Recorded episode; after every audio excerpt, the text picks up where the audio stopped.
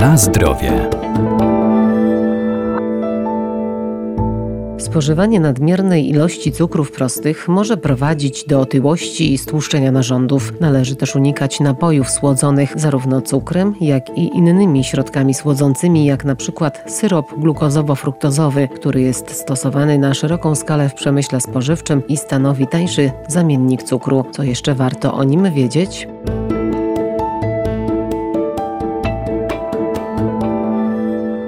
Od lat toczy się dyskusja na temat szkodliwości cukru, a zwłaszcza syropu glukozowo-fruktozowego dla organizmu człowieka. To płynny środek słodzący, który może być przyczyną otyłości, prowadzić do nadciśnienia czy cukrzycy, dlatego warto się go wystrzegać. Syrop glukozowo-fruktozowy uznawany jest za naturalny produkt, przy czym z uwagi na sposób jego otrzymywania nie można tak ściśle powiedzieć, że jest on naturalny. Otrzymywany jest z kukurydzy, ale kukurydza zawiera wyłącznie glukozę. Profesor Ewa Solarska, Uniwersytet Przyrodniczy w Lublinie. Czyli glukoza w tym syropie jest faktycznie naturalna, natomiast fruktoza powstaje w skomplikowanym procesie technologicznym z udziałem sody kaustycznej, czyli za pomocą enzymów przetwarzana jest na fruktozę z glukozy pochodzącej z kukurydzy.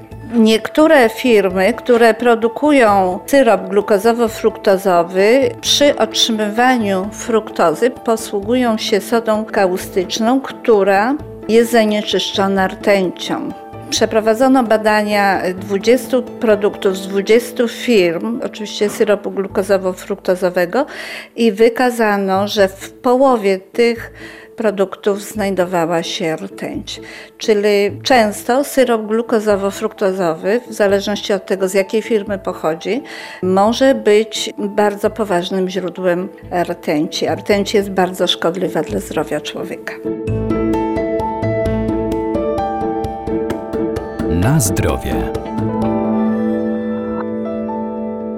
Syrop glukozowo-fruktozowy jest powszechny w wielu popularnych produktach, m.in. w słodkich napojach, lodach czy w jogurtach, a nawet i w wędlinach. Dodawany jest do bardzo wielu produktów żywnościowych, szczególnie tych przetwarzanych. Jest go bardzo dużo w napojach słodzonych, w dżemach, przetworach właśnie owocowych, płatkach kukurydzianych, w chlebie, w bułkach. No, do bardzo wielu produktów y, dosładza się zamiast cukrem, sacharozą, dosładza się syropem glukozowo-fruktozowym. Kiedyś stosowano y, cukier, sacharozę, która składa się y, z glukozy i fruktozy. To w tej chwili stosuje się do tego celu głównie syrop glukozowo-fruktozowy. Fruktoza uważa się, to wykazuje wiele licznych badań, że fruktoza jest dużo bardziej szkodliwa dla organizmu człowieka jak glukoza. Może wywoływać tolerancję na glukozę, odporność na insulinę, nadciśnienie w naczyniach krwionośnych, otyłość, cukrzycę, chorobę niedokrwienną serca i choroby nerek. Także jest to związek bardzo szkodliwy dla człowieka. No oczywiście jeśli się sporadycznie spożyje jakiś produkt, to oczywiście nie będzie będzie tej ciągłej ekspozycji organizmu na fruktozę, no to na pewno jakichś takich negatywnych, dużych zmian w organizmie nie spowoduje, ale przy ciągłym dostarczaniu do organizmu to na pewno y, te wymienione przeze mnie objawy mogą y, wystąpić.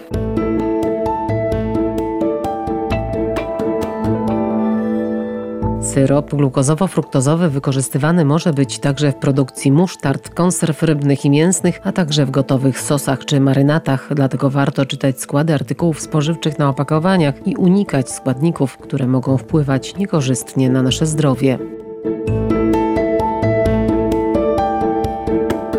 Na zdrowie.